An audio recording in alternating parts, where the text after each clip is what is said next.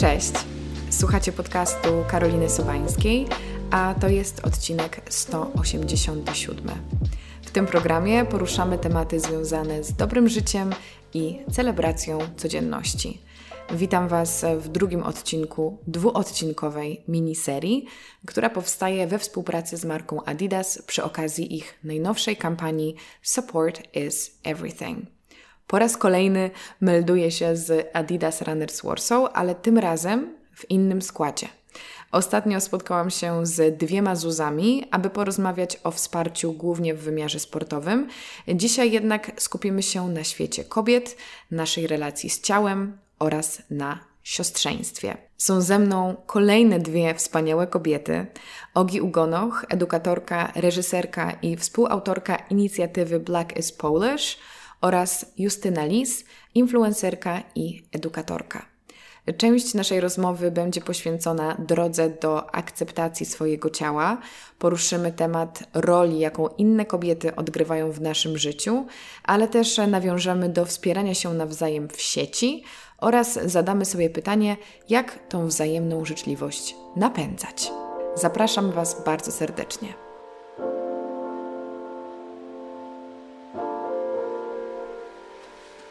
Dziewczyny, bardzo mi miło gościć Was w podcaście. Jesteśmy w trójkę, co jest rzadkością w sumie w moim, e, w moim programie, ale to jest bardzo fajna dynamika. Jako, że jesteśmy też w Adidas Runners Warsaw, to pomyślałam, że nie mogę Was o to nie zapytać mimo wszystko. Jak to jest u Was z ćwiczeniami, z aktywnością fizyczną? Czy Wy lubicie sport? Wiesz to w ogóle przede wszystkim bardzo się cieszę, że o tym mówimy, bo nadal wydaje mi się trwa i jakby panuje ten stereotyp, że sport tylko dla wyglądu, prawda? Mm. Że główną motywacją sportu jest wygląd, schudnięcie oczywiście na, na piedestale albo a, nie wiem, wymodelowanie sylwetki. Ja na przykład przez wiele, wiele lat nie lubiłam sportu, głównie dlatego, dla mnie na przykład bieganie czy skakanie na skakance to, to zawsze było odbębnić jak najszybciej. Wiesz okay. o co chodzi? E, trening spoko, ale właśnie po to, żeby zrobić go jak najszybciej, jak najszybciej zobaczyć efekty, co było totalnie bez sensu, bo wtedy po prostu nie potrafiłam znaleźć aktywności, która mi odpowiada i, i robić czegoś, bo czuję się dobrze, bo mi to w jakiś sposób pomaga, coś mi to daje, nie innego niż wygląd. A teraz jestem na takim etapie, gdzie rzeczywiście biegam, bo lubię, wiem w jaki sposób mogę to robić, mam spokojną głowę, bo wiem, że nie biegam po coś, tylko jakby sam, sama aktywność daje mi frajdę, to raz. Dwa, lubię efekt uboczny w postaci lepszej wydolności, lepszej kondycji, generalnie superowego samopoczucia cały dzień po treningu tak naprawdę. Fajnie, że powiedziałaś, że nie musisz ćwiczyć po coś. Mam wrażenie, że jak nauczymy się i polubimy treningi po nic, to wtedy jest najfajniej i wtedy nam się chce. Tak. Czy Ogi u Ciebie też tak było, że miałaś taką drogę z nielubienia do lubienia sportu, czy zawsze byłaś raczej aktywna fizycznie?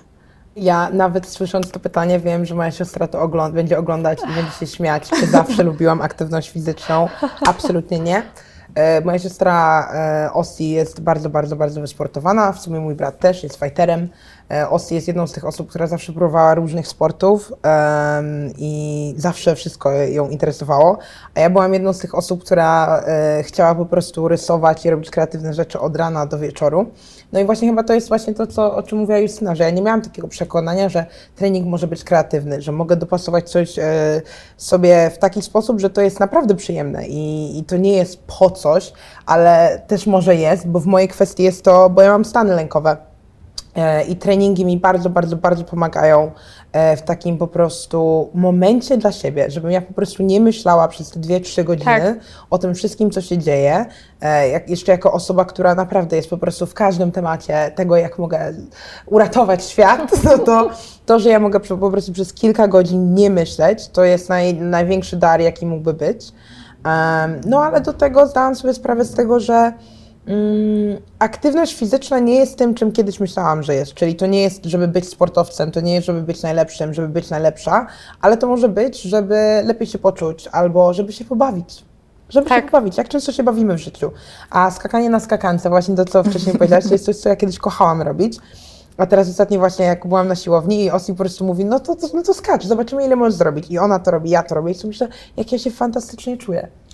Też mi się wydaje, że jest ciśnienie na określony, e, wiecie, określoną aktywność fizyczną, na przykład mhm. sport to siłownie. Nie wiem, czy zauważyłeś coś takiego. Dla mnie takie, takie przeświadczenie jest, że nie wiem, powinnaś uprawiać sport, czyli w domyśle iść na siłownię. A przecież to są też spacery, to są rolki, to są łyżwy, wiecie o co tak. chodzi?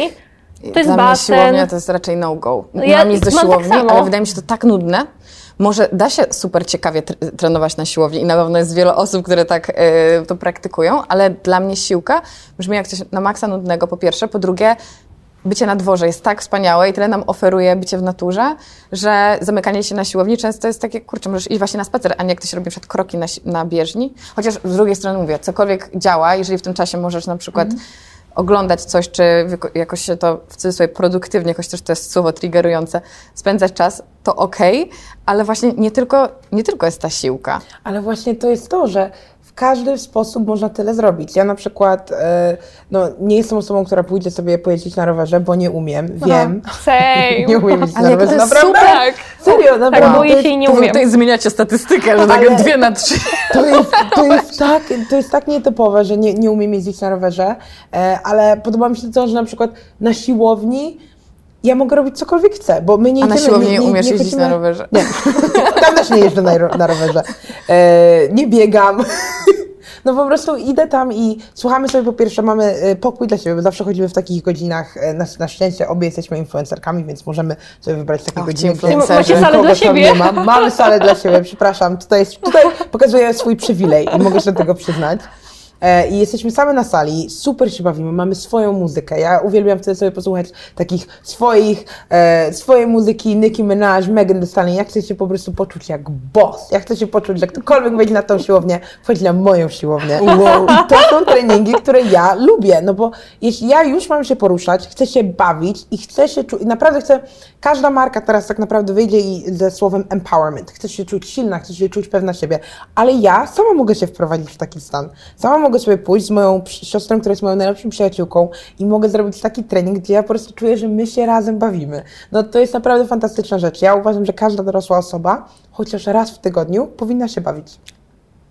To jest super myśl, ale powiem Ci, że chyba mi odczarowałaś trochę podejście do siłowni, że my też z tej siłowni możemy zrobić coś naszego. Swój plac zabaw. Prawda. A może jak będzie więcej osób niż tylko my w naszym prywatnym pokoju, to zrobimy z tego imprezę.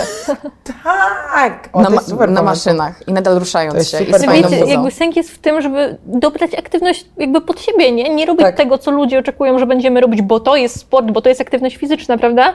Dobrać coś, co sprawia nam frajdę. Nie wszyscy musimy lubić biegać, nie wszyscy musimy lubić chodzić na zajęcia grupowe. Ja na przykład nienawidzę. Bardzo długo pracowałam, znaczy bardzo długo, ponad dwa lata jakoś pracowałam e, w siłowni połączonej z klubem fitness, gdzie była masa zajęć i po prostu mnie trzeba tam było na siłę wysyłać. Ja po prostu nie chciałam tam chodzić, ja się czuję, nie lubię tego. Dla mnie trening to jest czas dla siebie, muszę być sama, po prostu nie lubię być z innymi ludźmi, nie wyobrażam sobie na przykład ćwiczyć z trenerem personalnym. Dla mnie to jest czyszczenie głowy tylko i wyłącznie ja, wiecie o co chodzi, mhm. więc jakby to jest takie jakby wpachanie nas w jakieś takie sztywne ramy jest bez sensu. Tak. Absolutnie. Jak mamy polubić tą aktywność fizyczną i uprawiać ją częściej niż w styczniu na przykład?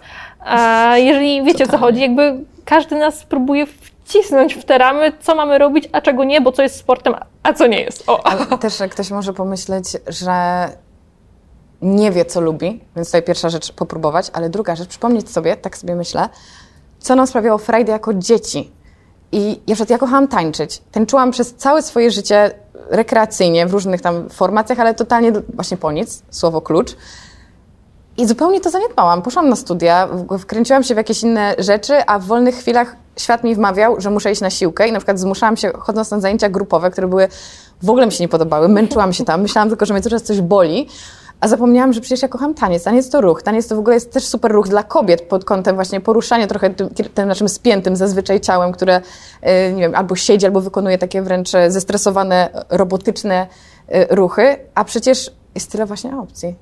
Też mi się wydaje, że przez bardzo długi czas fitness trochę poszedł w takim patriarchalnym kierunku, e, nie wiem, zdobycia jakiejś zwierzyny, takich, to, ta, ta, ta, cała energia, która w ogóle w to wchodziła, no excuses, nie masz wymówek, tak. musisz iść. I to było Ciśnij. takie wow, wow, mhm. wow, wow, wow. Tak naprawdę super, że dla niektórych to jest motywujące, ale bardzo duża y, część społeczności została przez to mocno, mocno, mocno straumatyzowana. Po pierwsze, z tym wszystkim brało się mocne wykluczenie. Dla wielu osób nie było nawet tych ubrań do ćwiczenia, a potem tym właśnie osobom się wmawiało, że one najbardziej muszą ćwiczyć. One to powinny po prostu wstawać na siłowni, spać na siłowni, jeść na siłowni, kąpać się na siłowni. Come on! Ale to też napędza tą narrację, o której powiedziałaś Justyna, że my ćwiczymy za karę. Tak. Że w tym momencie Tak, to muszę się wszystko nam się układa jako cu- cudowny obrazek na zasadzie y, nienawidzę ćwiczyć, robię to dlatego, że czuję Nienawidzę się brzydka, ciała? gruba, krzywa, jakakolwiek.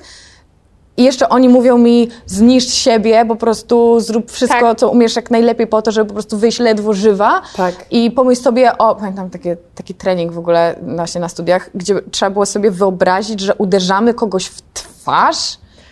O Jezu, What? jakie to jest Jakby złe. czemu? I właśnie ostatnio nawet czytałam taką książkę o, y, nawet to mówiłam w poprzedniej naszej rozmowie, którą miałam z dziewczynami, właśnie książkę o obsesji piękna, Tak. że y, to po prostu napędza nas do tego, żeby nie wiem, generować jakąś taką negatywność w trakcie tych ćwiczeń Tak. i my się naładowujemy, tak że nie wyzwalamy się, tylko jeszcze bardziej się nakręcamy na tą agresję, na to, czego, kogo nie lubimy. Jakby Ale w ogóle też nie jednocześnie to, kogo nie lubimy, to trochę jesteśmy my, bo w końcu każda z nas wie, że kompleksy to jest najlepszy sposób, żeby napędzać, napędzać nas do konsumpcjonizmu. Nie lubię siebie, kupię taki krem, bo dziewczyna w tej reklamie, modelka w tej reklamie wyglądała fantastycznie i chciałabym Tak. wyglądać jak ona. Nie lubię siebie, więc kupię sobie spodnie o dwa rozmiary za małe i będę dążyć do tego, żeby w nie wejść. Dlaczego? Dlaczego? Naprawdę i tak do tego momentu, aż jeśli chcesz naprawdę się wejść w te spodnie, musisz coś na sobie, na sobie nosić.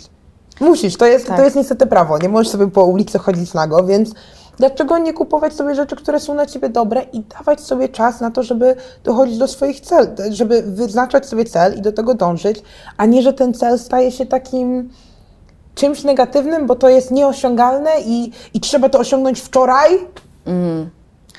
Ale wiecie, że dużo dziewczyn, ja nie zdawałam sobie z tego sprawy, bo nie miałam takiej sytuacji w swoim życiu i ja nie odczuwałam czegoś takiego, ale im więcej się edukuję na ten temat, to wiem, że dużo dziewczyn na przykład wstydzi się w ogóle wyjść na siłownię albo Ja tak stawić się na zajęciach. Jakby, no to skoro właśnie miałaś takie doświadczenie, to co się musiało zmienić w twojej głowie, żebyś stwierdziła, że czujesz się komfortowo z tym, żeby postawić tam swoją nogę, albo co sprawiało, że miałaś tę blokadę? Ja zawsze czułam, że ludzie się po prostu gapią. Że ludzie, że ja wchodzę na tą siłownię i ludzie po prostu od momentu, kiedy wchodzę, że ludzie się cały czas na mnie patrzą.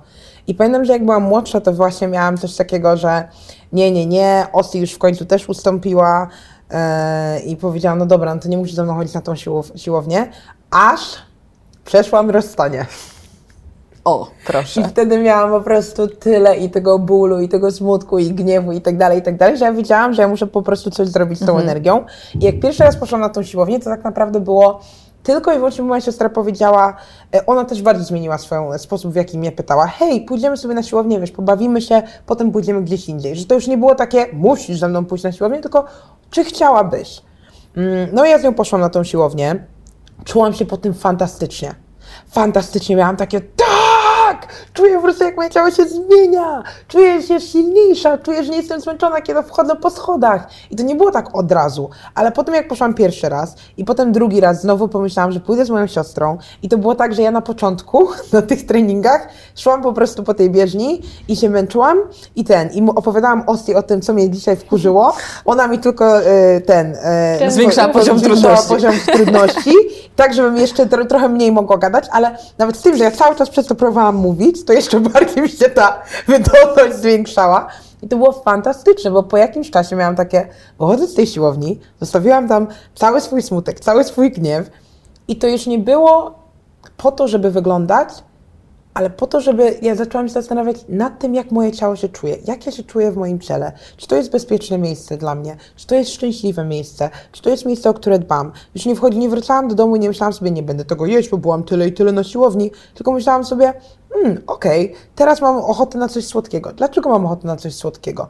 O, i Osi potrafiła mi wytłumaczyć, że mam ochotę na coś słodkiego z tego i z tego powodu. Co też jest dla mnie takie niewiarygodne, że tyle lat żyję na tej ziemi, i tak mało wiem o tym, co jeść, żeby naprawdę dbać o swoje ciało, a nie tylko, żeby kontrolować to, jak ono wygląda. Też nikt nas tego nie uczy. I ciekawe jest to, co powiedziałaś o, o tym rozstaniu, bo mi się przypomniała e, taka historia, że e, miałam też taki moment, że moje serce było bardzo zranione I ja zawsze się zarzekam, że nienawidzę biegać. Do tej pory nie lubię biegać. W sensie, no mogę i później się przebiec z kimś no, o ostateczności, ale nie jest to jakiś taki mój y, ulubiony rodzaj aktywności. Ja się czułam tak fatalnie, że ja wtedy też poszłam biegać i to było świetne. Nie wróciłam do tego, może teraz jestem troszeczkę straumatyzowana, mi się to bieganie nie kojarzy najlepiej, ale ten, to uwolnienie Tak. jest prawdziwą rzeczą. I to się naprawdę, w sensie, mówią ci o tym, zachwalają te ćwiczenia fizyczne, a jednak nie ma jak to właśnie pozbycie się tych emocji właśnie w, w ruchu. Tak. Miałaś też tak właśnie jak u Ciebie, bo też miałaś takie opory przeci, przed na przykład ćwiczeniem y, w, czy na siłowni, czy nie wiem, na WF-ie, czy w ogóle w zakładaniu stroju sportowego? Wiesz co, ja w ogóle WF w takich wczesnych nastoletnich latach, gdzie tam miałam 12-13 lat, to mi się kojarzy okropnie, nienawidziłam WF-u. I właśnie e, ostatnio o tym wspominałam na Instagramie, między innymi przez piersi, przez to, że moje ciało szybko zaczęło dojrzewać, szybko zaczęło, jakby w krótkim czasie mocno się zmieniło, o tak, nie? E, no i jakby nie miałam tego stynika dopasowanego odpowiednio, więc jakby każde bieganie, a na WF-ie e, obowiązkową częścią rozpoczynającą e, było właśnie tam przebieżka, ileś kółek, no to po prostu było dla mnie strasznie ciężkie, bo sprawiało mi i fizyczny ból, Okej. bo piersi skakały, więc mnie to po prostu bolało i psychiczny ból, bo czułam się zawstydzona tym, wiecie o co chodzi. A dzieciaki są bezlitosne, tak? Um, później też moja niechęć do ruchu, ja też przez długi czas nie ćwiczyłam na WF-ie w ogóle, miałam zwolnienie z WF-u, co uważam, że tak czy siak zrobiło mi bardzo dobrze, E, ale moja w ogóle niechęć do, do aktywności fizycznej jakiejkolwiek też um, wychodziła z moich zaburzeń odżywiania, właśnie z tej presji wyglądu, z tego, że dla mnie kojarzyło się to tylko i wyłącznie z jednym, katorżnicze treningi na głodzie po to, żeby schudnąć jak najszybciej, nie? Dopiero tak naprawdę, nie wiem, kilka lat temu właściwie już tak zaczęłam sobie przestawiać w głowie. Pokonałam zaburzenia odżywiania, wyzdrowiałam, wiadomo, nie sama, tylko z pomocą wyzdrowiałam i dopiero wtedy mogłam się powoli, powoli, powoli uczyć tego intuicy, intuicyjnego jedzenia i ruchu. E, I akurat dla mnie, mimo że mam dużo traumatycznych wspomnień z tych czasów zaburzeń odżywiania, kiedy biegałam właśnie po to, żeby schudnąć, to mimo wszystko jakoś sobie to przepracowałam i ja teraz po prostu uwielbiam biegać. E, tak jak przez... e, przez Mów mi tak. ale wiesz co, właśnie, kurczę, no to nie jest do końca tak dużo osób się mnie pyta, e, jak polubić biegania. Ja uważam, że bieganie po prostu nie jest dla wszystkich. Wiesz o co chodzi? O, to, to mi się bardziej nawet Tak samo jak siłownia nie jest dla wszystkich, tak samo jak masa innych rzeczy nie jest dla wszystkich. Po prostu nie musimy lubić wszyscy tego samego. Ale wracając do biegania, teraz dla mnie to jest po prostu ogromna przyjemność, to jest część mojej rutyny, to jest coś, co sprawia, że właśnie czuję się taka, kurczę, nie wiem, zawsze powtarzam to słowo mobilna, moja dziewczyna zawsze się z tego śmieje, że czuję się po prostu taka mobilna, dobrze mi się ruszać, wiecie o co chodzi, dobrze mi wstawać z łóżka. Jestem młoda, ale w momencie, kiedy się na przykład ileś tam miesięcy nie ruszam, było mi ciężko, bolały mnie plecy, ja też mam pracę siedzącą głównie, e, więc nie ruszam się dużo, a jakby teraz czuję się po prostu żywa, taka e, ży, żywotna? Jak, jak mogę to nazwać? Żwawa? Nie, nie żwawa, nie, nie, chodzi mi taka Pełna wigoru, witalna, taka trochę witalna. witalna, aż. Witalna. Tak, poplułam cię trochę. Tak, witalna Spoko, się. ja czuję tą pasję. Wiesz, o co mi chodzi? E, mam więcej energii, lepiej Tak. sypiam, bo nie mam problemu z zaśnięciem, bo jestem trochę przymęczona tym, wiecie o co chodzi. To jest takie moje rozpoczęcie dnia, bo wieczorami nie lubię biegać, po południu też za bardzo nie lubię biegać, bo sekundę już jestem zmęczona, już mam dosyć. A, rano pierwsze co robię, piję kawę, a czekam chwilę idę na bieżnię sobie biegać. Wcześniej biegałam w plenerze. Po przeprowadzce tak średnio mi ten klimat e, dookoła otoczenia e, okolicy pasuje, więc, e, więc kupiłam bieżnię i biegam na bieżni. Ale biegam właśnie, bo lubię i nie myślę o efektach, nie myślę o tym, czy moje ciało się zmieni, czy się nie zmieni. W ogóle totalnie to nie patrzę, ja też się od lat nie ważę. Tylko ruszam się, bo lubię się ruszać po prostu dla przyjemności i dla tych wielu e, korzyści związanych właśnie z kondycją, z tą witalnością, którą to jest czuję. śmieszne, bo tak brzmimy, wszystkie jesteśmy młode, a to tak brzmi, jakbyśmy miały już takie, no ta mobilność ciała, sprawne ciało, ale coś w tym jest, słuchajcie. No ja teraz tak. widzę, że jak ja się nie porozciągam, ja bardzo lubię sobie jogować i mi wystarczą takie dwa dni bez niczego i ja czuję, że mnie zaczynają boleć te plecy. Jednak no, czas leci, nasze ciała nie będą się coraz lepiej regenerowały, trzeba je wesprzeć. Widzisz, Karolina, ty nie, nienawidzisz biegać, ja nienawidzę jogi. W ogóle nie wyobrażam się na jodze. Dostaję co jakiś, co jakiś, e, co jakiś czas do, jakieś zaproszenie na jakieś warsztaty, jakieś zajęcia z jogi, tam właśnie w związku z moją działalnością w internecie zawsze dziękuję, nie A potrafię. byłaś już kiedyś? Nie, To ale, ja, ale widziałam jogę. Nie, to jest w ogóle totalnie zajęcia grupowe odpadają. Ale mam- możesz sobie to robić w domu. Domu też nie. Dziękuję. Ale chciałam właśnie powiedzieć, że w sumie to moja, jedna z moich znajomych, ma, e, przyjaciółek ma studio. No, po pierwsze to y, jest bardzo dużo różnych rodzajów jogi i ja bym była akurat jedną z tych osób, y, które powiedzą spróbuj, bo tak jak w przypadku biegania, no to jest dosyć prosta recepta, no to jak się biega, tak mi się, tak mi się wydaje, chociaż może jako laik nie powinno się badać, ale y, jeśli chodzi o jogę, to naprawdę są różne instruktorki, różne style i myślę, że jest szansa, że coś Cię przekona, nawet jako taki, wiesz, trening dodatkowy, nie jako Twoja główna zajawa, ale żeby na przykład... A widzę, że się nie wierzysz mi, nie wierzysz mi. Ale ona już wie, że ona tego nie chce, nie po zrobić, prostu ale ja rozumiem. no, nie chcę próbować, bo nie mam takiej potrzeby, wiesz. No tak, tak, no tak. dokładnie. Gdybyś się, no właśnie, gdybyś się zupełnie nie ruszała, mógłbyśmy uznać, że coś jest nie Tak. tak, ale jakby masz swoją rzecz i tego się trzymamy. I też mówiłyśmy o tym, że my kobiety, to jest takie, że aż mnie skręca, no jednak bardzo dużo decyzji podejmujemy kierując się tym, jak wyglądamy, no między innymi ćwiczymy z uwagi na to, ale też u Was zaszła taka zmiana, że zaczęłyście patrzeć na swoje ciało bardziej właśnie jako takie narzędzie do tego, żeby Wam się lepiej żyło, żeby Wam po prostu było bardziej komfortowo, żebyście były bardziej sprawne. Czy to jest tak, że najpierw musiałyście się trochę do tego zmusić, dostrzegłyście te korzyści i ten wygląd spadł po prostu na drugi plan? Czy coś innego się takiego jeszcze stało, że stwierdziłyście, że przede wszystkim ćwiczę dla zdrowia, dla głowy? Wiesz co, ja musiałam się dużo doedukować w tym temacie, bo ja o wielu, w ogóle nie tylko ja, masa kobiet jest nieświadoma wielu rzeczy. Jest nieświadoma tego, dlaczego podejmujemy pewne decyzje konsumenckie, jest nieświadoma tego, co robią z nami obrazy, obrazki, które są nam dostarczane w mediach cały czas, telewizji, e, w jakichś programach, cokolwiek, internet, prasa, wiecie, jakieś kolorowe, modowe magazyny na przykład. Ja sobie musiałam zdawać, zdać sprawę po kolei z masy rzeczy, żeby dopiero móc na siebie przekładać jakieś, wiecie o co chodzi, działanie, jakiś, jakąś czynność. Musiałam wiedzieć, że em, na przykład kiedyś nie wyobrażałam sobie wyjść domu bez makijażu, mimo że byłam nastolatką. To jest dla mnie przerażające, kiedy sobie o tym pomyślę. Jest mi po prostu smutno za siebie, jest mi siebie żal, czuję po prostu współczucie do nastoletniej siebie, bo ja lat 15 czy 16, żeby iść do sklepu spożywczego, musiałam się pomalować. To jest straszne. A, ale musiałam sobie zdać z tego sprawę, że jakby to, co się dzieje, to nie jest moje tylko, to nie jest mój problem, tylko to jest problem dookoła, to jest problem tego systemu, to jest problem tego, że wygląd, że każdy każe nam, że system i, i świat każe nam stawiać wygląd na piedestale. Nam się to nie wzięło z niczego, nam się to nie wzięło z naszych głów. Wiecie o co Absolutnie. chodzi? Ja mam e, dwie siostrzeńce i mam siostrzeńca i on ma dopiero dwa lata i to jest pierwszy mały chłopiec u nas w rodzinie i ja widzę, jak różni się to, jak z nim rozmawiamy, a jak rozmawialiśmy z moimi siostrzeńcami. Z moimi siostrzeńcami jesteś piękna, jesteś śliczna, jesteś grzeczna, jesteś kochana. Z nim jesteś silny, jesteś odważny. Tak. Mój brat na niego mówi czempion. No, to jest totalnie inna narracja. E, w To mojej jest znamienne. tak, tak. Więc to jest takie programowanie tak naprawdę od najwcześniejszych lat.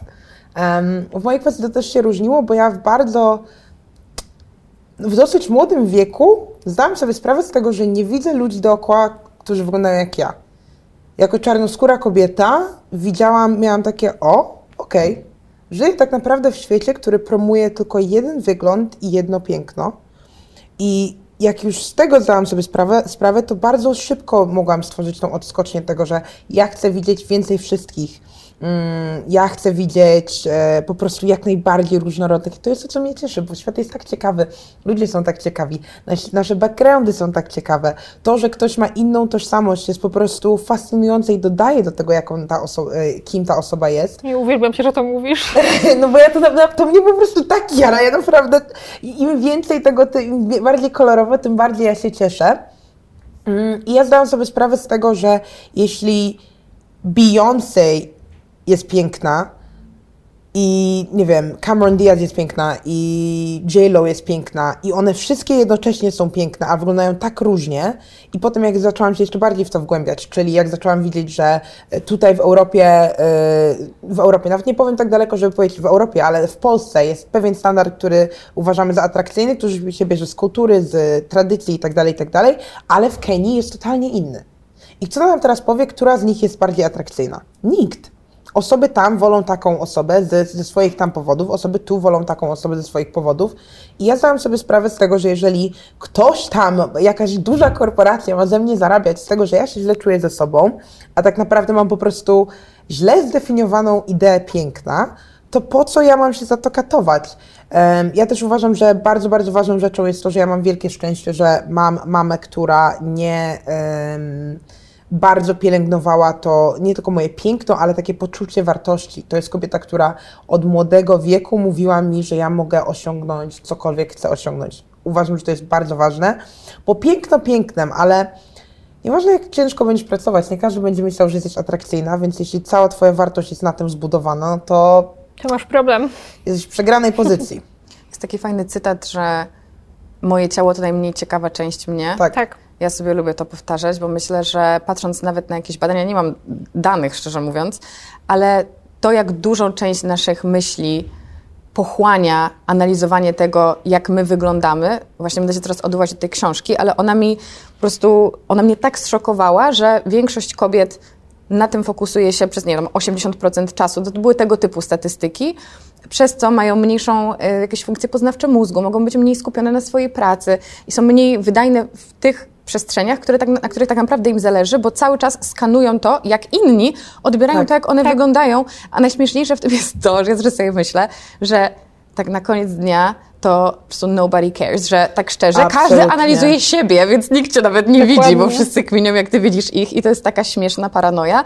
A co ciekawe, też właśnie w tej książce, bo powiedziałeś, że dziewczynkom się mówi, że są piękne i nam się wydaje, że to jest dobre, że tak, ja będę, na przykład my zranione przez kulturę, e, jakby kulturę diet, kulturę wyglądu, nam się wydaje, dobrze, my będziemy naszym córeczkom mówić, że są piękne, żeby one się Tak. czuły piękne. I ja tam czytam w tej książce, że to w ogóle nie robi nic dobrego, bo wtedy my przypinamy sobie łatkę, okej, jestem piękna, muszę utrzymać to, że jestem piękna, Tak. nie mogę się starzeć, nie mogę przytyć, nie mogę mieć brzydszej cery. Nie mo- Tak. I wcale te komplementy nie idą nam na dobre, bo znowu fokusują naszą uwagę na tym nieszczęsnym wyglądzie, który po pierwsze nie jest naszym wyborem w ogóle, to jak wyglądamy, od tego zacznijmy, że to jest jakby trochę taka loteria, dzień dobry. Totalnie. A właśnie druga rzecz, to jak ty powiedziałaś, fajnie wyjść z tej głupiej bańki, bo mam znajomą, która się przeprowadziła z Polski do Brazylii, no i tutaj była uwikłana w ten nasz kanon, y, po prostu, no wiadomo jak to wygląda. Pojechała tam, całkiem zadowolona z siebie, no bo strasznie ciśnie, żeby do, do, doścignąć ten kanon i powiedzieli, co ty jesteś takim chuchrem? Dziewczyna, jak ty wyglądasz? W ogóle gdzie się... No też oczywiście to jest złe, żeby ją też krytykować, wiadomo, ale ona wtedy miała takie, wow, to są różne światy. Tak, żeby obudzić się w tym, że właśnie nie każdy będzie myślał, że jesteś atrakcyjna. Nie każdy i to jest okej. To jest nawet ważne i budujące moim zdaniem. Tak. Bo ile rzeczy tak naprawdę. Kiedyś bardzo mną wstrząsnęło to, że widziałam, e, jak taka kobieta mówiła o tym, że, że e, był pogrzeb jej syna i ona szukała zdjęcia e, ze swoim synem, żeby wstawić właśnie, żeby opłakując go i nie znalazła ani jednego zdjęcia, bo zawsze tak się cisnęła za to, jak wyglądała, że nie robiła sobie zdjęć. Ale jest dużo takich osób. I wiem, że to jest taka ekstremalna rzecz, ale ja pamiętam, pamiętam dorastając w Polsce, jak ludzie mówili, a nie, ja tam do zdjęcia nie podejdę, bo ja okropnie nagminne. wyglądam. Tak. A ja to okropnie po prostu dzisiaj wyglądam. Nie, no patrz jak ja wyglądam, nie jestem umalowana.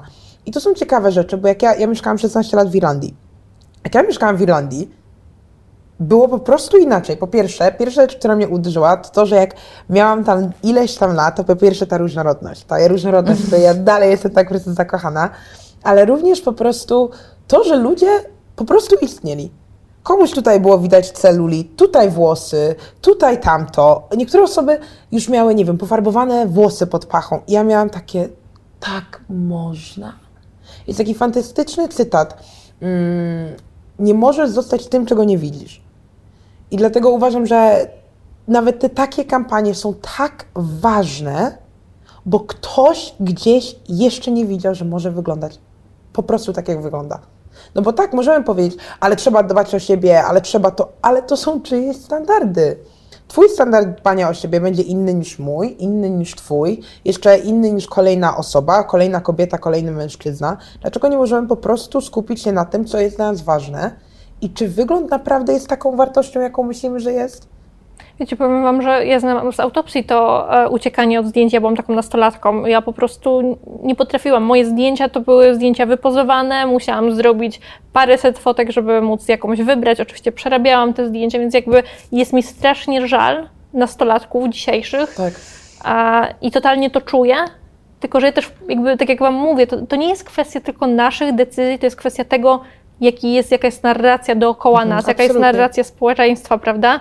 E, Nie jesteśmy same w stanie pewnie w jakiś sposób jesteśmy w stanie się kształtować i zmieniać swoje decyzje, zmieniać swoje myślenie, ale dalej potrzebujemy takiej zmiany systemowej, żeby inaczej tak. mówiło się o tych wszystkich rzeczach. Ja na przykład czuję e, ta zmiana, gdzie kiedyś właśnie nie dawałam sobie robić zdjęć, na przykład z nienacka, czy nie, chodziła, nie podchodziłam do rodzinnych zdjęć, to było dla mnie jakieś takie wtedy właśnie traumatyczne i ciężkie, bo miałam tak słabe poczucie własnej wartości i tak bardzo potrzebowałam udać siebie i siebie idealną i tak dalej, a gdzie w pewnym momencie po prostu poczułam, że ja tracę życie, ja wolę te wspomnienia ponad to, jak ja wyglądałam, chcę mieć te wspomnienia, wiecie o co chodzi? ale to, że mi się udało to przepracować, to nie znaczy, że drugiej osobie się to uda i to nie, nie oznacza, że ta osoba jest słabsza czy nie wiem, bardziej podatna, tylko jakby my dalej potrzebujemy, żeby ta narracja dookoła nas się po prostu zmieniła i pewnie możemy zmieniać tą, tą narrację i to jest dobre, bo tworzymy ten świat, ale wciąż brakuje tej dyskusji w mediach i to mediach nie, wiecie, bańce na Instagramie, tylko no nie chociażby w telewizji, to jest ważne. To z jednej strony to, co powiedziałaś, że my musimy zobaczyć, że to jest możliwe. To jest mega ważne we wszystkim, w każdym rozwoju, mm. że mamy przykład, że ktoś był tu, gdzie my i teraz jest w super miejscu i to pokazuje też naszej jakby podświadomości, nieświadomości, nazwijmy to jak chcemy, że to też może udać się Tobie mm. i dążymy do tego, ale ja też bym na przykład nie wieszała wszystkich psów na, na social mediach, bo często mówimy, że tak, że to są straszne czasy, bo media społecznościowe nam niszczą ten kanon, a ja sobie myślę, wiecie, o moich babciach, ciociach, o ludziach, którzy wychowali się bez tego, a i tak ta kultura e, i media innego rodzaju już nam wystarczająco zrobiły krzywdy, że wielokrotnie też słyszałam, że ktoś nie pozuje do tych zdjęć i właśnie to jest, to jest nagminne, to jest smutne. Ja jestem raczej osobą coś bezpośrednią, więc ja wtedy mówię, sorry, ale nie będziesz lepiej wyglądać. Jak zawsze tak mówię do osób starszych w mojej rodzinie, w zasadzie młodsza nie będziesz. Jakby to jesteś ty. W sensie za 10 lat musisz sobie jaka ja byłam głupia. Miałam, nie wiem, 50 lat, 60 lat, chowałam się przed tymi zdjęciami, wtedy byłam w, takim, w takiej dobrej formie. Jakby uwiecznij to, to jest ważniejsze. Nie myślisz sobie, o, jak dobrze, że wtedy wciągnęłam brzuch. Czy ktoś się na tym zastanawia? Dokładnie. Tylko fajnie, że, że spotkałam się ze znajomymi, że mamy ten moment szczęścia uwieczniony. Kurczę. Tak, dlatego uważam, że tak samo jak powinniśmy właśnie mówić otwarcie o tym, że chcemy tego od dużych marek, bo to jest fantastyczne. Ja no, nawet jak widziałam tą kampanię... Już widziałam... taki szczery uśmiech piękny. ja, się, ja się totalnie po prostu tym jaram. Po prostu po mnie widać, że jak ja widziałam Jessamine, tą e, e, influencerkę, e, ona też jest joginką e, w tej kampanii, ja po prostu miałam takie wow, niesamowite, no po prostu osoba, która mnie inspiruje, osoba, którą lubię. I jak widziałam to, to to też właśnie takie rzeczy definiują, redefiniują to, co uważamy za piękne, za fajne, bo chcemy być jak te osoby.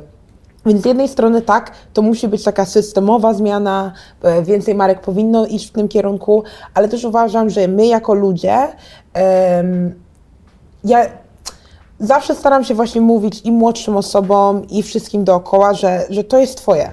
To, jak Ty widzisz siebie, należy do Ciebie. Wiem, że to może być bardzo przerażające, ale tak naprawdę to jest wielki dar. To jest uwalniające, że my możemy zdecydować, co o sobie myślimy, i to nie musi przyjść od razu. To naprawdę może być.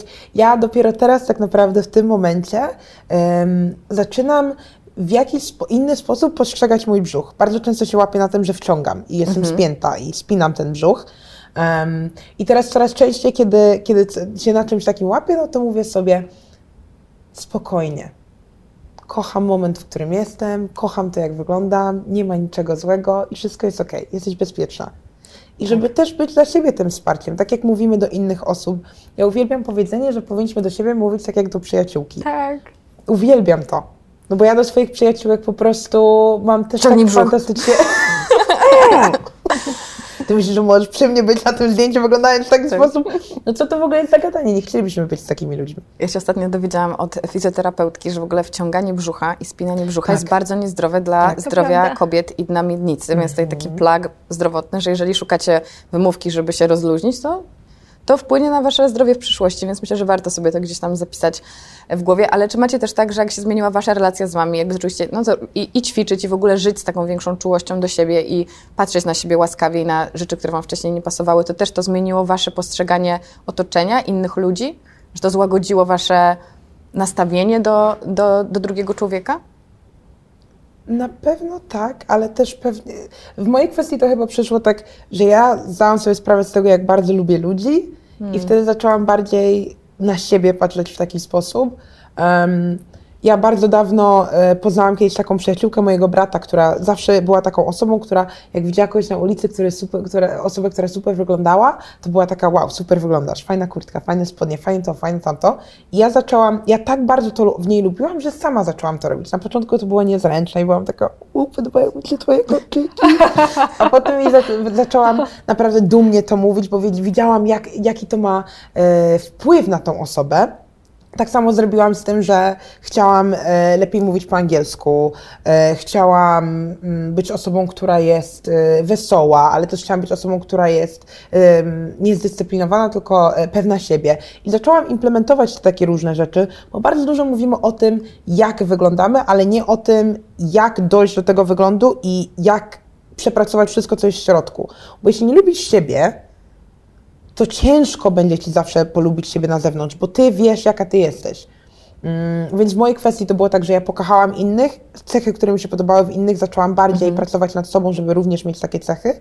Um, i ja bym to nazwała pracą nad sobą, a nie jakimś tam, nie wiem, e, zmienianiem siebie, bo zmiana może być pozytywna. E, I wtedy właśnie zaczęłam widzieć, że jestem bardziej czuła wobec siebie. Ja myślę, że, że to dość mocno może korelować, być może nie u każdego, ale wydaje mi się, że w momencie, kiedy odczepiasz się od siebie, to rzeczywiście odczepiasz też od innych ludzi. Tak. Nie? Wiecie o co chodzi? Jakby nie skup po prostu, jak odczepiasz się od wyglądu i przestajesz stawiać ten wygląd na piedestale, no to jakby zwisa ci to, czy ktoś wygląda tak, czy wygląda siak, nie? Mhm. Wiecie o co chodzi? Absolutnie.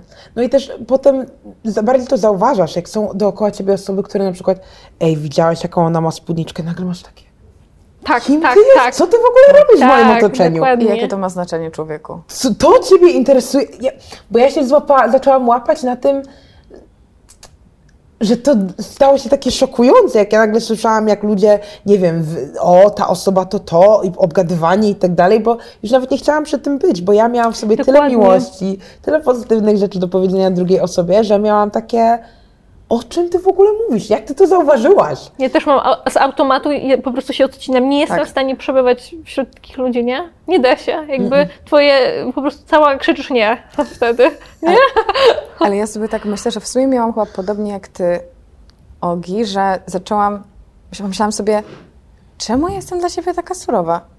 Przecież staram się być właśnie fajną przyjaciółką, wszystkich wspierać, do wszystkich toleruję ich różne zachowania, stany, to jest okej, okay, to jest ludzkie, ale ja odejdę od jakiejś swojej normy i zaraz jest po prostu bad. Dlaczego? Przecież skoro chcę, żeby ludzie mnie lubili, w sensie skoro ja lubię innych, to dlaczego dla siebie jestem takim, takim taką wredotą czasami, mm -hmm. nie? I wtedy no sobie, świat... co ja robiłam przez całe życie. No widzisz, właśnie akurat ta surowość to jest też taka dość znamienna kwestia, że jesteśmy w stanie coś tolerować. To jest oczywiście absurdalne, żeby tolerować czyjś wygląd, bo to jest oczywista oczywistość, że w ogóle nie mówimy o tolerancji, no. bo ktoś po prostu ma prawo istnieć i tyle na swoich własnych zasadach. Oczywiście dopóki nie krzywdzi tym innych, ale wygląd nie krzywdzi. Powiedziałaś coś super pięknego, Ogi, że twoja mama i jej podejście do ciebie, ale też pewnie jej podejście do siebie samej bardzo ukształtowały to, jak ty o sobie myślisz mhm. i no, nie każdy na pewno miał taką, taki przywilej dorastania tak. w, takiej, w takiej atmosferze, a też, no mówmy się w przypadku dziewczynek, to, to, co mówi mama, nawet nie to, co mówi mama, to, co ma, jak mama siebie postrzega, jest w ogóle jakby kluczowe w kształtowaniu się naszego poczucia własnej mhm. wartości. Jaką rolę wy byście przypisały właśnie temu, tym kobiecym głosom w waszym życiu? Czy to są osoby, które z którymi się wychowałyście, czy rodzeństwo, czy mamy, czy media? Jak ważna jest ta rola kobiet w tym, jak my postrzegamy siebie?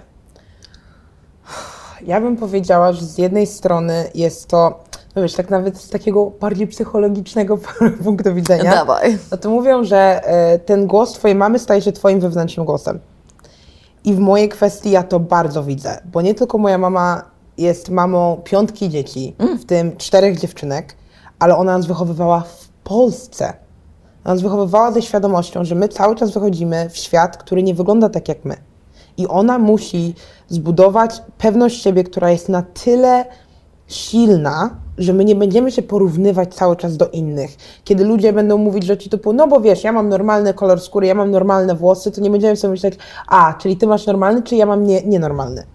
Ale ona swoją, no moja mama dla mnie jest po prostu moją idolką. Ona jest, pff, naprawdę to jest... Pozdrawiamy mamę. To jest mocna, mocna babka, naprawdę OG.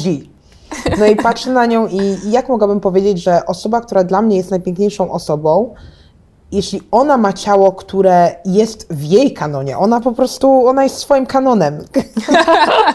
Wiecie, ona ma swój kanon, to jak ja mogę teraz powiedzieć, że to jest nieatrakcyjne? I my też jesteśmy rodziną, gdzie naturalność zawsze była stawiana na bardzo, bardzo wysokim poziomie. Moja mama zawsze była taka, e, no nie wiem, nawet jak ktoś tam się przebiera. Ja mam takie wspomnienia, że nie wiem, mama się przebiera, ja wchodzę sobie do pokoju, zabieram coś z pokoju i to nie było jakieś takiego, o nie, widziałam, nie wiem, pierś czy coś takiego. Nie, to było bardzo, bardzo normalne i dorastając, i to nie znaczy, że ja nie miałam kompleksów gdzieś po drodze, bo zawsze się tam wkradnie jakiś tam członek rodziny. W tej kwestii to była mój ciocia, to był mój wujek. Bardzo cisnęli mój wzrost, ja mam 1,82 m i bardzo cisnęli e, mój rozmiar. Aż to, w takich momentach, gdzie ja właśnie pamiętam właśnie taki bardzo specyficzny moment, kiedy miałam 10 lat i moja mama gotowała i byłam taka podekscytowana, że tak sobie podskakiwałam i czekałam na to jedzenie i wtedy moja ciocia powiedziała, że mi już wystarczy. Ja mam spojrzeć na siebie i spojrzeć na to, jak wyglądam i dlaczego ja mam znowu jeść. Ja poszłam na górę i nie zjadłam tego jedzenia. Najgorsze jest I- to, że pamiętasz ten moment. Zamiast pamiętać, Tak. kurczę, zachód słońca na górze, to pamiętasz, jak ci ktoś Pamiętam. powiedział w ten sposób. Pamiętam, i ja pamiętam, jak ja się czułam, pamiętam, jak to jedzenie pachniało, pamiętam, bo to jest trauma, właśnie trauma w taki sposób się po prostu e, wbija w nasz mózg i to pamiętamy. Ale jeszcze ważniejsze, co w tym pamiętam. Ja teraz, będąc dorosłą kobietą, wiem, jak ja bym, jak, ja, jak ja bym e, rozmawiała z tym dzieckiem. I to też jest moim zdaniem ważna kwestia, bo zadałaś mi pytanie, jak ważna jest rola tych kobiet. Uważam, że system, najpierw jest system, potem oczywiście są osoby dookoła. I to jest ważne, żeby te osoby mówiły w prawidłowy sposób, ale żebyśmy my również pamiętały, że my możemy siebie utulić tak, jak ktoś nie mógł kiedyś. I możemy to zrobić teraz. I ja zawsze mówię o czułości, mówię właśnie o, te, o tym, tym takim, tej takiej małej ogi, wrzucam zdjęcia małej ogi i mówię, ile rzeczy ja właśnie teraz robię dla małej ogi, bo kiedyś tego ktoś nie robił. I to jest ważne, bo ja czasem czuję, że ludzie czują, że ktoś powinien im po prostu dać magiczny pstryczek, żeby powiedzieć, ej, kocham siebie. Ja dorastałam w czasach, kiedy inne czarnoskóre osoby, które widziałam, to byli członkowie mojej rodziny. To jest możliwe. Mm, I to nie jest łatwe, absolutnie nie mówię, że jest łatwe. I zawsze jest mi żal osób, które nie miały mamy, czy miały babcie, które to też u nas w Polsce jest dosyć popularne, żeby mieć właśnie osoby, które o, jak ty wyglądasz, taka krytyka, krytyka, krytyka. Em, ale chciałabym właśnie ludziom dać tą nadzieję, żeby pamiętały, że pamiętali, że ty możesz sobie również dać to, to zrozumienie, tą miłość, to, to ciepło. No pomyślcie, jak ja opowiadam tą historię, ja ją dalej pamiętam. Ja wracam do tego momentu, ja się przytulam bardzo mocno i mówię, zjedz ten obiad, zjedz ten deser, bo czemu nie? Ja ci tego nie zabraniam. Piękne. Ale to jest też na maksa smutne. Też mam takie właśnie historie, że bliska mi osoba po wakacjach, kiedy y, bardzo się dużo jadłam fryteczek, ale nadal byłam super szczupłą, zwykłą dziewczynką. Powiedziała mi, że o, jaka wróciłaś postawna. Postaw! Postawna. Co to, jest w ogóle, co to jest w ogóle za stwierdzenie? Ja sama nie wiedziałam, co to znaczy, Ja ale ja, nie zrozumiałam po prostu powiedziała dziękuję. Ja, ja, ja zrozumiałam, że aha, czyli jestem nieakceptowalna, gruba, dziwna, nie wiem, co mam. I ja pamiętam to do tej pory, miałam wtedy 14 lat i wiem, że ta osoba nie miała nic złego na myśli. I to też jest, myślę, ważna rzecz, że my żyjemy w takich czasach, gdzie jest dostęp do informacji, że ma, możemy się edukować i teraz trochę, moim zdaniem, już nie mamy wyjścia i trzeba wziąć na siebie tę odpowiedzialność. Tak. Więc okej, rozgrzeszmy te starsze pokolenia, bo oni rzeczywiście nie wiedzieli, ale w tym momencie nie mówmy, że o, nasi dziadkowie też tak mówili, a mieli dobre intencje. Okej, ale teraz masz dowody na to, że nas to spaczyło, więc naucz się i tak wykreuj ten komunikat do Absolutnie. swoich dzieci, do osób wokół siebie, żeby im tego, żeby Tak. tego nie powtórzyć.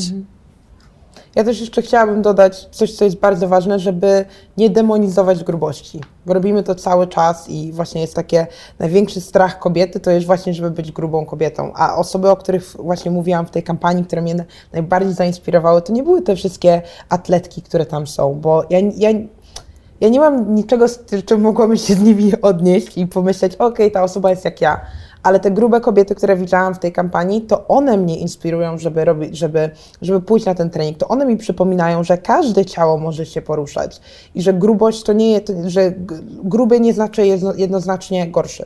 Ale to też fajnie pokazuje, że nawet jeżeli nie mamy tego wsparcia w rodzinie czy w najbliższym otoczeniu, możemy mieć wsparcie Tak. od osób, których nawet nie znamy, bo one swoimi działaniami okazują nam to wsparcie bez tego bezpośredniego kontaktu. I to jest też Absolutnie. coś, co wy robicie swoją działalnością w internecie, że w sumie to jest piękne, że wy możecie wspierać te dziewczyny, mimo że nie macie z nimi może kontaktu jeden na jeden. Mhm. Nie wiem, czy odczuwacie to, że do, dokładacie jakby swoją cegiełkę do tego, czy dostajecie też taki feedback od dziewczyn, że czują się tak właśnie, jak użyłaś tego słowa, empowered?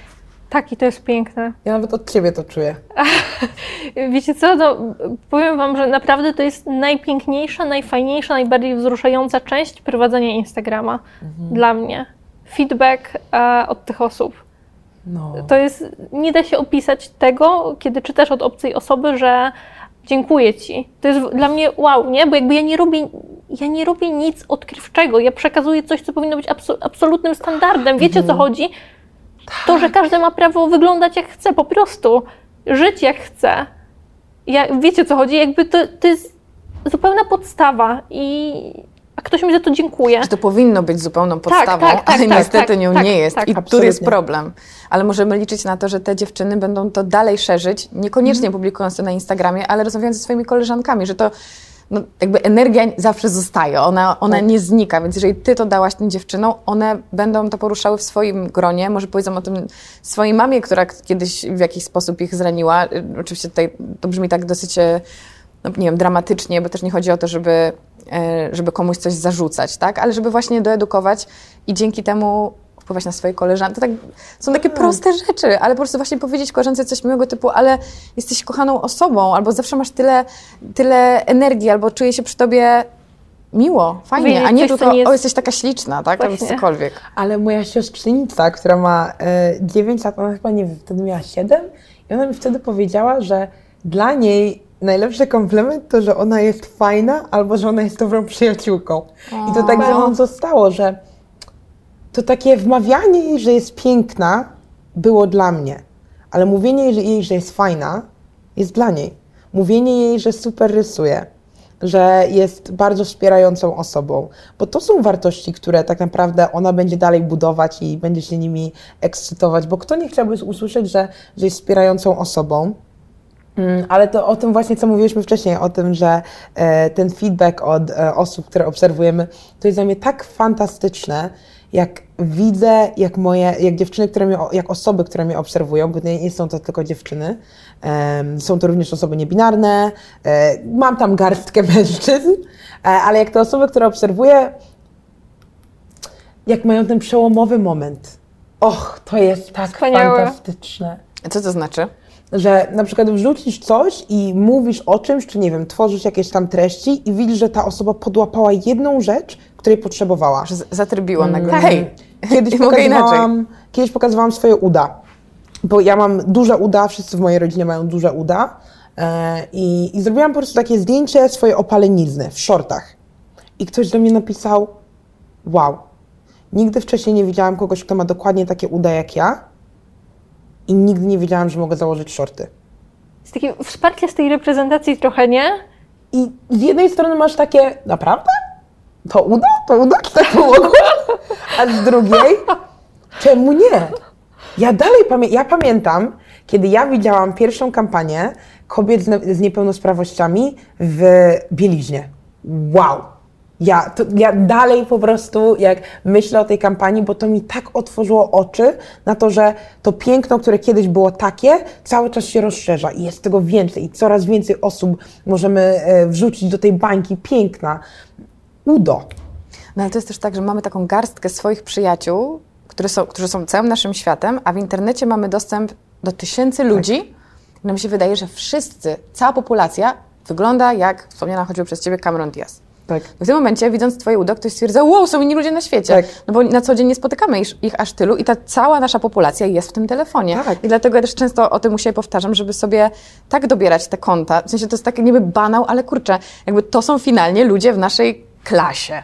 Tak? Albo na naszym boisku, czy na naszym osiedlu, to są ci ludzie z Instagrama. No Jeżeli sobie wybierzemy wszystkie osoby, które nie mają z nami nic wspólnego, sprawiają, że czujemy się beznadziejnie ze sobą, to będzie, będziemy trwać w tym uczuciu. Jak nagle dobierzemy ludzi, którzy sprawiają, że czujemy się lepiej, wyglądają na milion różnych sposobów, stwierdzimy, to jest nasza reprezentacja świata, którą chcemy Tak. oglądać. I to tak naprawdę jest bardzo trudne i proste zarazem, to jest w naszych Tak. rękach. Nagle sobie wykreujemy innych mieszkańców naszej planety smartfon. Ale Fajnie- też mieszkańców naszej głowy. No, dokładnie. Fajnie, że w ogóle o tym mówisz, bo to, jest, to też jest kwestia, która jakby nie jest tylko takim, taką hipotezą, to jest coś, co jest udowodnione badaniami, że reprezentacja ma znaczenie, że to, jakie sylwetki widzimy, wpływa na nasz mózg i na nasze postrzeganie samych siebie, więc to jest naprawdę bardzo, bardzo ważne. I nam się może wydawać, że my jesteśmy odporni, że no, zdajemy sobie sprawę na przykład, bo czasem mi tak e, dziewczyny piszą, a jak powiedzmy, nie wiem, wrzucam informację, że właśnie to, o czym rozmawiałyśmy wcześniej, że na przykład celebrytki e, korzystają z zabiegów medycyny estetycznej, chirurgii plastycznej, w czym nie ma absolutnie nic złego, ale przy tym się tego wypierają, demonizując to, twierdząc, że to jakby, że to ich natura, że tak się urodziły, albo że przerabiają zdjęcia i tak dalej. E, I dostaję feedback, oczywiście cała masa e, feedbacku jest o tym, że, że super, że o tym mówię, ale są też takie osoby, które piszą, przecież to jest oczywiste, zdawałam sobie z tego sprawę. I słuchajcie, my naprawdę możemy sobie zdawać z tego sprawę Trzeba napisać, ja też. jakby wiecie o co chodzi i możemy sobie zdawać z tego sprawę, ale to nie zmienia faktu, że nawet będąc świadome, to na nas wpływa, nie? Jakby ja jestem w tym temacie już od jakiegoś czasu, czuję się ze sobą dobrze, jestem osobą pewną siebie, nie mam problemu z poczuciem własnej wartości, to są kwestie, które już sobie przepracowałam, a mimo to potrafię się zapętlić w Instagramie, nie? Jakby w tych, w, może nawet nie w idealnym wyglądzie, bo z tym sobie już zrobiłam porządek e, i też nie obserwuję kont, które we mnie wzbudzają kompleksy, ale no nie wiem, chociażby czyjeś podróże, wiecie o co chodzi? tak. Zdaję sobie sprawę, że ta osoba też ma szare życie, ale wpływa to na mnie źle. No i co zrobię? Jakby wiecie o co chodzi? No muszę się tego po prostu pozbyć. Nie dawać sobie tych bodźców. My sobie często właśnie nie zdajemy sprawy, że to ma na nas wpływ, nawet jeśli y, teoretycznie po nas spływa. Fajnie jest się poobserwować, bo ja też tak mam, może inaczej, rzadko tak mam, niestety, po przejrzeniu mojego i tak już zdetoksyfikowanego Instagrama, żebym się czuła jakoś znacznie lepiej. Zazwyczaj czuję się podobnie, może będzie jakiś przyjemny cytat, ale jednak zazwyczaj media społecznościowe tak, może też za bardzo generalizuję, ale one jakoś uśredniając to, sprawiają, że my czujemy się tak, tak średnio, tak czasem trochę gorzej, czasem trochę tak, że w sumie to nuda u nas jest i nie, do, nie dostrzegamy tego jako dużej zmiany w naszym samopoczuciu, ale to się dzieje i jak ja sobie robię takie właśnie detoksy od, detoksy w sensie, że nie, nie korzystam przez dwa dni z Instagrama, dostrzegam zupełnie inne rzeczy, widzę jak inaczej skaczą też moje poziomy nastroju i że my jesteśmy bardzo, bardzo podatni, a też odruch włączenia aplikacji jest tak mimowolny, że no nie dostrzegamy tego, że to ma nad nami ogromną władzę. No, jesteśmy uzależnieni. Tak mocno, mocno uzależnieni. Em, ja w terapii cały czas przerabiam to, że kiedy e, wstaję rano, to mam nie, nie sprawdzać od razu telefonu. E, I to jest ciężkie, to jest naprawdę trudne, bo ja jestem do tego tak przyzwyczajona, jeszcze tworząc Ja content, potrafię. to w ogóle tak naprawdę mi zazwyczaj się nie udaje, ale coś, co znalazłam, że naprawdę super działa, to pierwsza rzecz, której ja chcę słyszeć, którą ja staram się słuchać rano, to piosenka, którą kocham. Przez bardzo długi czas to była e, ta piosenka I Am Woman, e, Emily May. Po prostu tak mi zapadła w głowie to, jak ona śpiewa mm, o tych wszystkich rzeczy, który, rzeczach, które, którymi ona jest, którymi ja jestem. To było tak fajnie, bo czułam, jakbym wstawała z moimi, e, z moimi przyjaciółkami i wszystkie mamy taki klub, gdzie po prostu jesteśmy super. Mm, I zdałam sobie sprawę z tego, że ja po prostu stworzyłam swoją bańkę, z której ja nie wychodzę.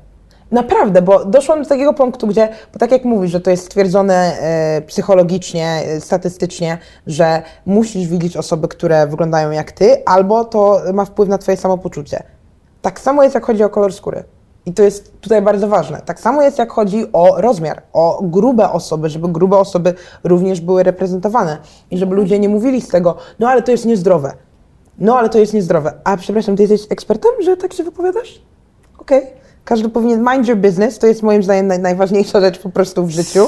Bo W internecie mind your business nie istnieje. nie, nie, nie, nie, to prawda, ale, ale ja, wiesz, bo ja też w swojej przestrzeni nie tylko pokazuję ludzi, którzy, nie tylko pokazuję swoje ciało. Ja bardzo, bardzo często pokazuję większe ciała niż moje. Bardzo często. Ja uwielbiam Lizo. Wow. C'est magnifique. Naprawdę uwielbiam, kocham ją. I bardzo często udostępniam jej zdjęcia. I są momenty, kiedy ludzie mówią, no ale to jest przesada. Dla kogo? Ach, miałam to samo. Dla ciebie? To się nie wypowiadaj. Okej. To jest darmowy dar dla ciebie. Cicho bądź. Bo tutaj nie ma miejsca, nie ma przestrzeni na hejt. I uważam, że to jest też bardzo, bardzo ważny element tego wszystkiego. Żebyśmy my tą miłością, którą dostajemy od, swoich, e, od swojej publiczności, również dawały przestrzeń na inne osoby. Bo ja mam dosyć tego, że ktoś będzie ludziom wytykał palcem, co oni powinni robić ze swoim życiem, żeby poczuli się lepiej, nie będąc ekspertem po pierwsze, po drugie, dyktując kto, jakim ma być standardem. Cicho bądź.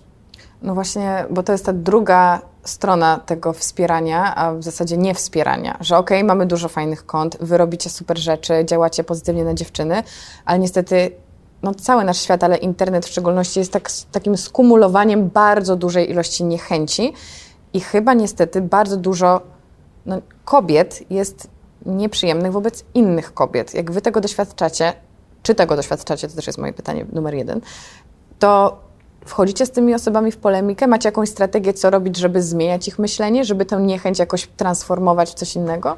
Wiesz co, y, y, też się cieszę, że o tym mówimy, bo to jest w ogóle bardzo złożona sprawa i ja osobiście strasznie nie lubię e, tego powiedzenia, że na przykład kobieta kobiecie wilkiem, mhm. albo że to kobiety sobie najczęściej podkładają nogi. Musimy zdawać sobie sprawę, że to też nie jest coś, co wychodzi od nas, tylko to jest coś, co wychodzi z wszechobecnego patriarchatu, z systemu, w którym żyjemy z tego, że istnieją kobiety, które się nazywa strażniczkami patriarchatu, które po prostu próbują się dopasować do tego systemu z różnych powodów. E, oczywiście w ogóle nie chcę, nie chcę tego tematu spłycać, bo to jest tak rozległe i jakby ma tyle różnych e, płaszczyzn, e, o których można powiedzieć, ale są kobiety, które po prostu chcą w tym systemie w jakiś sposób przetrwać. No. Ja, ja wiem, jak to brzmi, nie? Ale no, dokładnie tak jest. I po prostu nie, nie, próbują, nie, próbują się dopasować do tych pełnych patriarchatu i mizoginii standardów, nie? Dlatego próbują w jakiś sposób te inne kobiety tak utrzymać w miejscu. Tak, utrzymać w miejscu, dokładnie. To nie jest właśnie, to jest, to jest coś, co, nas, co w nas programują, programuje świat od najmłodszych lat. Tak. E, to jest konkurencja, konkurowanie ze sobą między kobietami. To jest e, właśnie to, że nie wiem, romantyzuje się e, stare czasy, wiecie o co chodzi, jakieś tam mhm. lata 50., 60., co też jest bardzo powszechnym zjawiskiem, że o, kiedyś to było lepiej, bo nie było tego, a było to i w ogóle kobiety miały się cudownie. No nie miały się cudownie. Nikt Dlaczego? nie miał się cudownie. Nikt nie miał się cudownie w ogóle. od tego. Nikt się nie ma cudownie. Tak, nikt się nie ma cudownie, ale wiecie o co chodzi? Jakby wtedy nie słyszało się o pewnych rzeczach, bo po prostu tak wyglądał świat. To, że teraz mamy, to, że teraz mówimy o przemocy na przykład, a wtedy nie mówiliśmy, to nie dlatego, że wtedy przemocy e, wobec kobiet, kobiet nie było, tylko po prostu wtedy kobiety milczały, wtedy świat milczał, wtedy świat nie pozwalał kobietom mówić jakby w dalszym ciągu to jest ogromny problem i w dalszym ciągu świat ucisza kobietom usta, ale nie tak jak kiedyś, nie? Więc... A czy wy czujecie empatię do kobiet, które są tymi strażniczkami, że jakby rozumiecie, że one wychodzą z tego punktu, że nie umieją zaakceptować tej zmiany i trochę chronią siebie, nie chcą zaakceptować, że czasy się zmieniły? Czy jest w ogóle waszym zdaniem sens, żeby to myślenie zmieniać? Czasem tak i czasem nie, bo ja na pewno mm, no, po pierwsze chciałabym zacząć od tego, że e, właśnie chciałam nawet wcześniej to powiedzieć, że e, ja w ogóle na początku, jak zaczynałam z Instagramem, Justyna była jedną z pierwszych osób, do których napisałam i powiedziałam, ej, czy mogłabym się z tobą spotkać i zadać kilka pytań? I ona się ze mną spotkała. To nie było tak, że ja wtedy już miałam o 30 tysięcy obserwujących. Nie, ja byłam małym, małym kątem, a ona już wtedy miała takie, hej, robisz fajną robotę, spotkajmy się na tą kawę. I ona tego nie zrobiła, żeby jakoś sobie tam dobić czegokolwiek, bo nie robiłyśmy tego na Instagramie. Nie dobijałyśmy targu. No właśnie, byłyśmy tam po prostu razem. Mm, więc takie rzeczy są super i uważam, że takie wsparcie jest niesamowite i e, w pracy głównie powinnyśmy się tak wspierać, bo to znaczy, że właśnie te wszystkie systemy, które tam są, żebyśmy zarabiały mniej, żebyśmy siebie nie lubiły, żebyśmy walczyły między sobą, no to te systemy nigdy sobie nie poradzą, kiedy ktoś ci mówi, o, no bo wiesz, ty dostaniesz tyle i tyle, a ja już wiem, bo gadałam z Justyną, że ona dostała tyle i tyle, więc no, to nie działa.